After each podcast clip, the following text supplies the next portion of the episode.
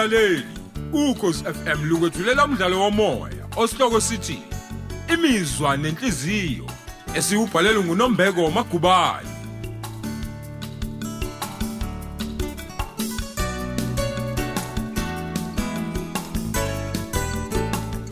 Yamukela isiqephu seshumnani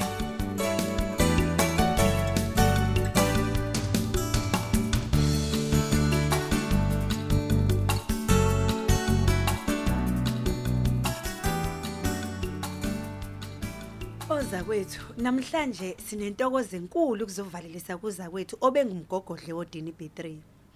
Okungijabulisa kakhulu nje kunako konke ukuthi uthole isikhundla ekade ngamfisela sona. Njengoba sonke sazi umbali uyazinikela emsebenzini wakhe. Akakhethi ibala lamuntu uphatha bonke abantu ngendlela efanayo. kunjalo matron Esikhathini esiningi ke abaphathi babhencela nxanye mabephethe abantu abafunde ngaphezulu kwabo. Kodwa mina angikwazi lokho. Kulabo ke abangazi, uSister Dlamini ufunde cishe ngaphezulu kweningi labaphathi besibedlela. Kodwa uzibeke phansi ngendlela eyisimanga. Angizugeqaka amagula bakwethu, kodwa ngifisa ukuthatha leli thuba ngibongela umbali ohambeni olusha azoliqala. Ngibonge inkosi yami nakubaba Dlamini ngovumela inkosikazi yakhe iyofunela umndeni wayo amadlela alihlaza. Isilungu sithi the sky is the limit. Mina ngithi kuwe mbali, hamba uyokwakhela indawo yangakithi igama elihle emkhomazi.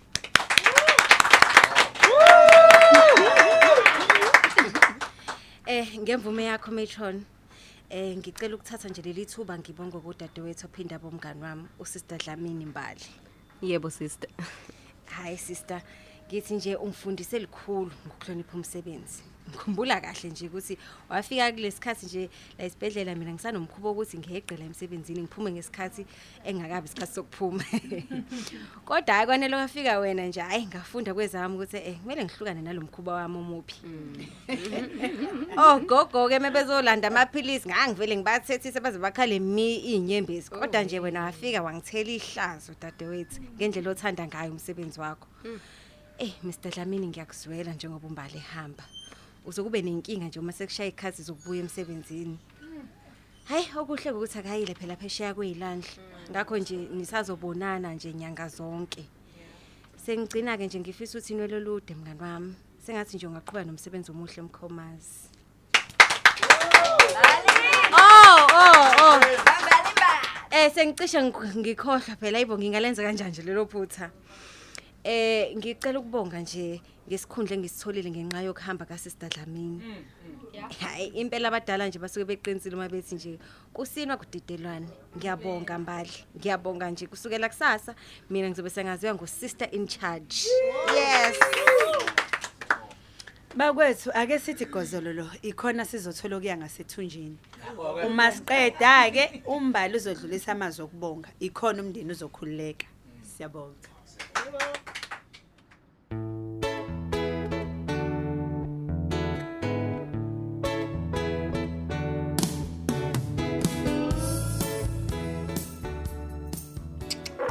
Ehambe.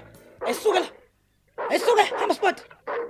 Wentombi kasibiya bo, yelekelela. Nangu spot esho kungiqeda. Hayibo. Hayibo, khulileke umantombela. Usport umani ubakela umsindo nje akanalo ngisho lodwa izinyo. Hayi, wazwa ngibulala ngensini wentombi kaSotobo. Ngiyatshela. Hayi ke kodwa phela kuhle ngoba uyabika uma kukhona ongena egcekeni. Hawo yena bandla usizo olukhulu kabi. Ngibonga nje ukuthi negeleke eqhakaminzi lutho. Uyakhumbula ukuthi icala hali kaNdosi balichitha kanjani ubuchopho ngenhlamvu mhlazane beqhekeza esitolo? Usakhumbula? Ungayiphathi ke leyo weMasibiya. Angizange ukuthi imbibi ngalelo suku. Hayi, ngiyatshela. Ngisho nobuthongo ngabe ukhonga ngaze ngayeka. Hayi dadewethu, izinto ezenzeka kulesikhathi samanje zishaqitha ikhanda ngiyakutshela wena. Akushiwo nokuthi ziyashaqisa ntombi Hayi, kaSotobo. hayi, hayi, hayi. Kuvele nje kubande kwamancane unguzicabanga. Hayi, kunjalo dadewethu. Iphi nje indodazi kaGoduza lo wakhe ngonyameni? Usho le okuthiwa eh isoka la lehlahlela ngembazo. Ngishona impela mantombela. Uyazi kwavele kwaphela nasozwaneni ngathi ngizwa indlela amaphoyisa alisingatha ngayo ludaba. Eh kodwa ke phela weMasibiya ngicabanga ukuthi nawo amaphoyisa akawanele kahle. Ngoba phela ngesinye isikhathi uku- u- ukuzwe nje kuthiwa kushoda izimoto zawo. Hayi phela, eyongabikho kweimoto iyeke. Uyakhumbula siyobuka isigameko sokuqekezwa kwesikole? ingani iphoyisa lasitshela ukuthi akukho elizokwenza ngoba igebengu zaseyiphunyukile Oh, lalimane lizidlalela ngathi ke nje.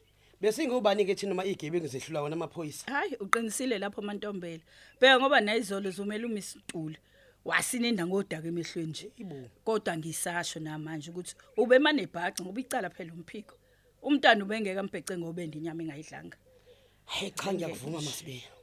Uyakwazi ukubona umuntu odliwa unembesa. nje Namanje umzukulu wami uyaqinisa ukuthi uMantuli uyabahlukumeza. Ngiyakutshela. Emva kokuhamba kwethu nje esikoleni, usenhlanhla uthi uthisha umbizile engcenye. Washiya ngalazi. hayibo Ngiyakutshela. kahle wena Njengoba ngisho nje. kanti ishinga ngempela lithishelakazi he pho soyixazulwa kanjani ke lenkinga ngoba sinabo phela ufakazi Uyazi mina ngeniso. Bengithi asimeme bona abazali balendawo. Abanezingane ezifunda khona besasikole. Sishaya ujenge silibhekise khona esikoleni. Umbovu sizomtshela ukuthi asisamdingi uMsintuli. hayi mantombela ukhumbule ukuthi abantwana bethu bafunda umatric nonyaka ngakho akukuhle ukuthi baphazamiseke ifundini zabo Eh, uyazi uqinisile masibe. ngempela Ngoba phela unyaka ungaphela uhulumeni enga- engamlethanga uthisha ozongena endaweni yalothisha sithi akamxoshe. kunjengoba usho nje intombi kamahlobo ngikhuluma nje umbomvu ulinde uthisha ozongena endaweni kathisha uzwane wathatha umhlala phansi nyakenye cabanga hayi Hayi kunjalo dadewethu. Kusiza wona nje lama AA alethwa uhulumeni ngonyaka ofile. Ha sengenzini kuzosheka. oh sengibulala ngensini ntombi abiza ukuthi ama EAs mantombela ngoba asiza othisha ingakho uhulumeni engabaqashi othisha abazosebenza ngokugcwele uthembele kuma educator assistants mayelana nosisho hlukumeza izingane ngibona ngakuhle nje ukuthi sicela umbomvu nesigumi sesikole bakhulume naye Awuzwa ke masibi. Hey, uyazi bengazi ukuthi wena egcineni uzoqhamuka nesixazululo esiphusile kule ndaba. nje Hawu ngiyabonga ntombi ngasotobe.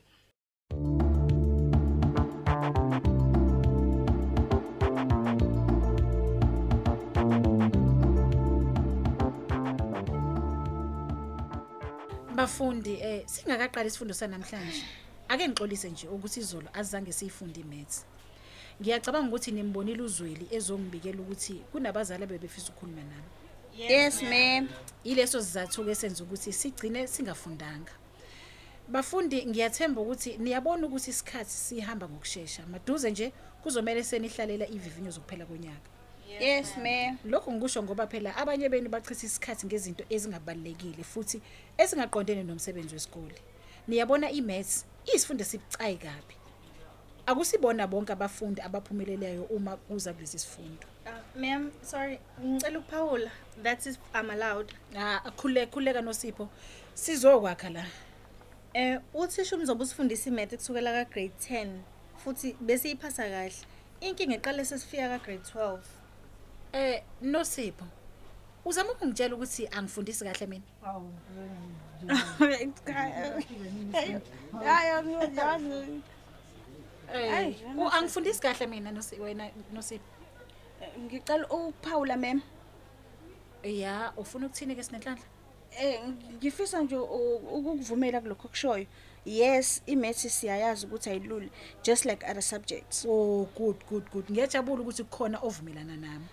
Cha, bengingaqedi mem. Oh, okay. Kulungile ungaqhubeka ke sinenhlanhla. Mem mina ngibona sengathi sichitha isikhathi esiningi sixoxa indaba mangabe kuyi period yemaths. Kungakuhle sisebenzise lesi sikhathi sethu kahle ukuze siphumelele. Eh uqinisile usinenhlanhla. No- Nosipho ke uzama ukuvala umlomo wakho. Ngiyaxolisa ma'am ukuthi Awuzwanga ukuthi ngithethula. Ngizokukhuza kuze kube kangaka wena ntombazane. Niyabona nina grade 12 nizofeyila nonke imaths kulonyaka. Ngoba anilaleli, anizwa nini. Into eniyaziyo nje ukuhamba nikhefuza ngegama lami endaweni la. Lalani la lana nginitshele mina. Ngafunda ngagogoda mina. Ngikhuluma nje itifiketi zami ziyale ngodongeni.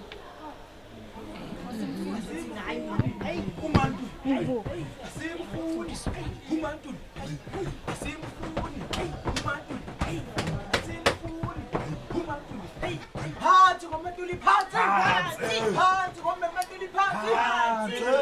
Grade 12. Grade 12A.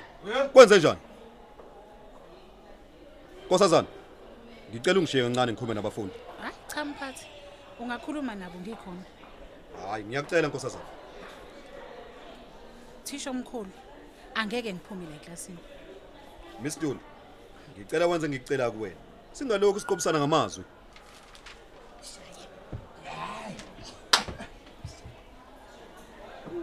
Uma man, uma, awuma, awuphume, awuma, uma, awuma, angasole uma, uma, uma, uma. Grade 12A. Kuyangidumaza ukunibona niphethe ngalolu hlobo.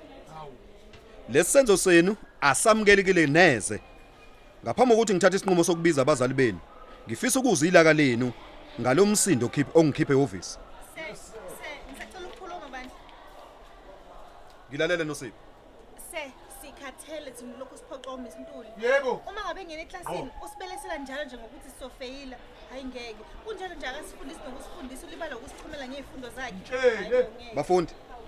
Kuliqiniso lokushoyo lo mfundi. Yebo. Cha. Ngiyanizwa ke bafundi. Ake sifune ikhambi lokulungisa inkinga esibhekene nayo. Lalelani bafundi, lalelani, lalelani. Lalelani bafundi. Okokuqala uthisha uqashwe umnyango wezemfundo. Ngaleyo ndlela kaninalo ilungelo lokumxosha. Okwesibili, okwesibili uhulumeni akabaqasha uthisha kulonyaka ngenxa yesimo sonotho. Ngakho ke uma nithi uMiss Ntuli akahambe, nizohlala ningenawo uthisha we-mathematics. Kuze kuphela unyaka. Yiloko enikufunayo? Yebo. sithi thina uMiss Ntuli akasuswe ka grade 12 kuphela. Ukhona thina uthisha osifundisa kahle imaths. Kahleni bo, kahleni bo. Kahleni bo. Soyilungisa kanjani inkinga njengoba ke se- se- sekuzalela ihlokohloko nje? Bafundi, kuzomela nilungise izinto noma isintuli. Lalelani. Ngizomceleze lapha eklasini azokhuluma nani. Emva kwekhefu. Emva kwekhefu siyezwana?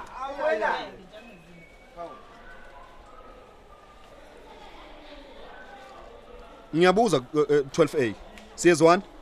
Yes sir. Siyezwana na? Yes sir. Good. Sengingaqoqa ke incwadi zenu, nilungisele ukuya ke eklasini elilandelayo.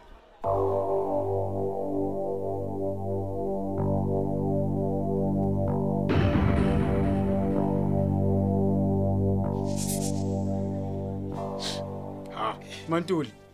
Hey, inkosi impela uDoji uyabukisa kulezi insuku. Ususe staff room njalo ngaphela ngisho period. Hayi, imhlola ke lena.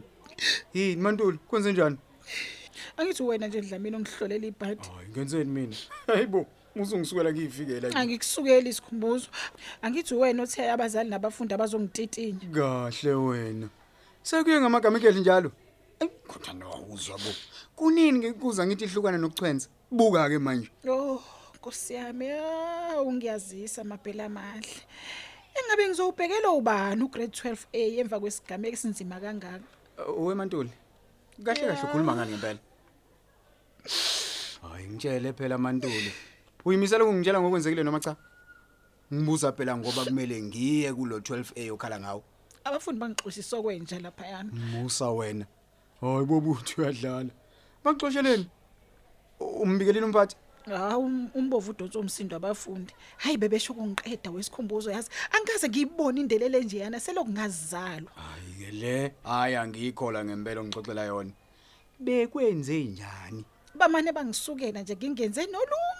Ncinci wena. Ngiyacabanga ukuthi bebengayimisele nje ukufunda namhlanje. Manje ke mina ke ngizokusiza kanjani uma ungafuna ukukhuluma iqiniso ngoba phela kulona iqiniso lokukhulumayo. Usuchaza ukuthini ke manje isikhumbuzo? Wemantuli.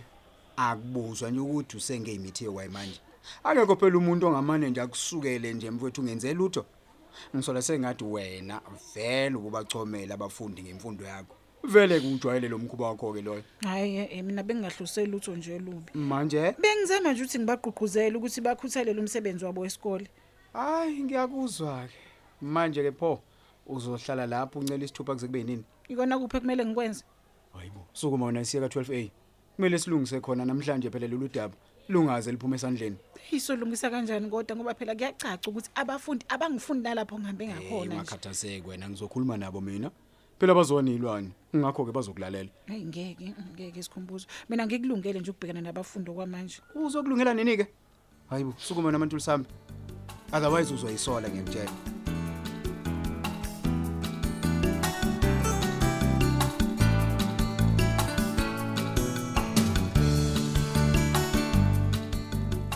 Sisibeka lapho isiqephu sethu imizwa nenhliziyo.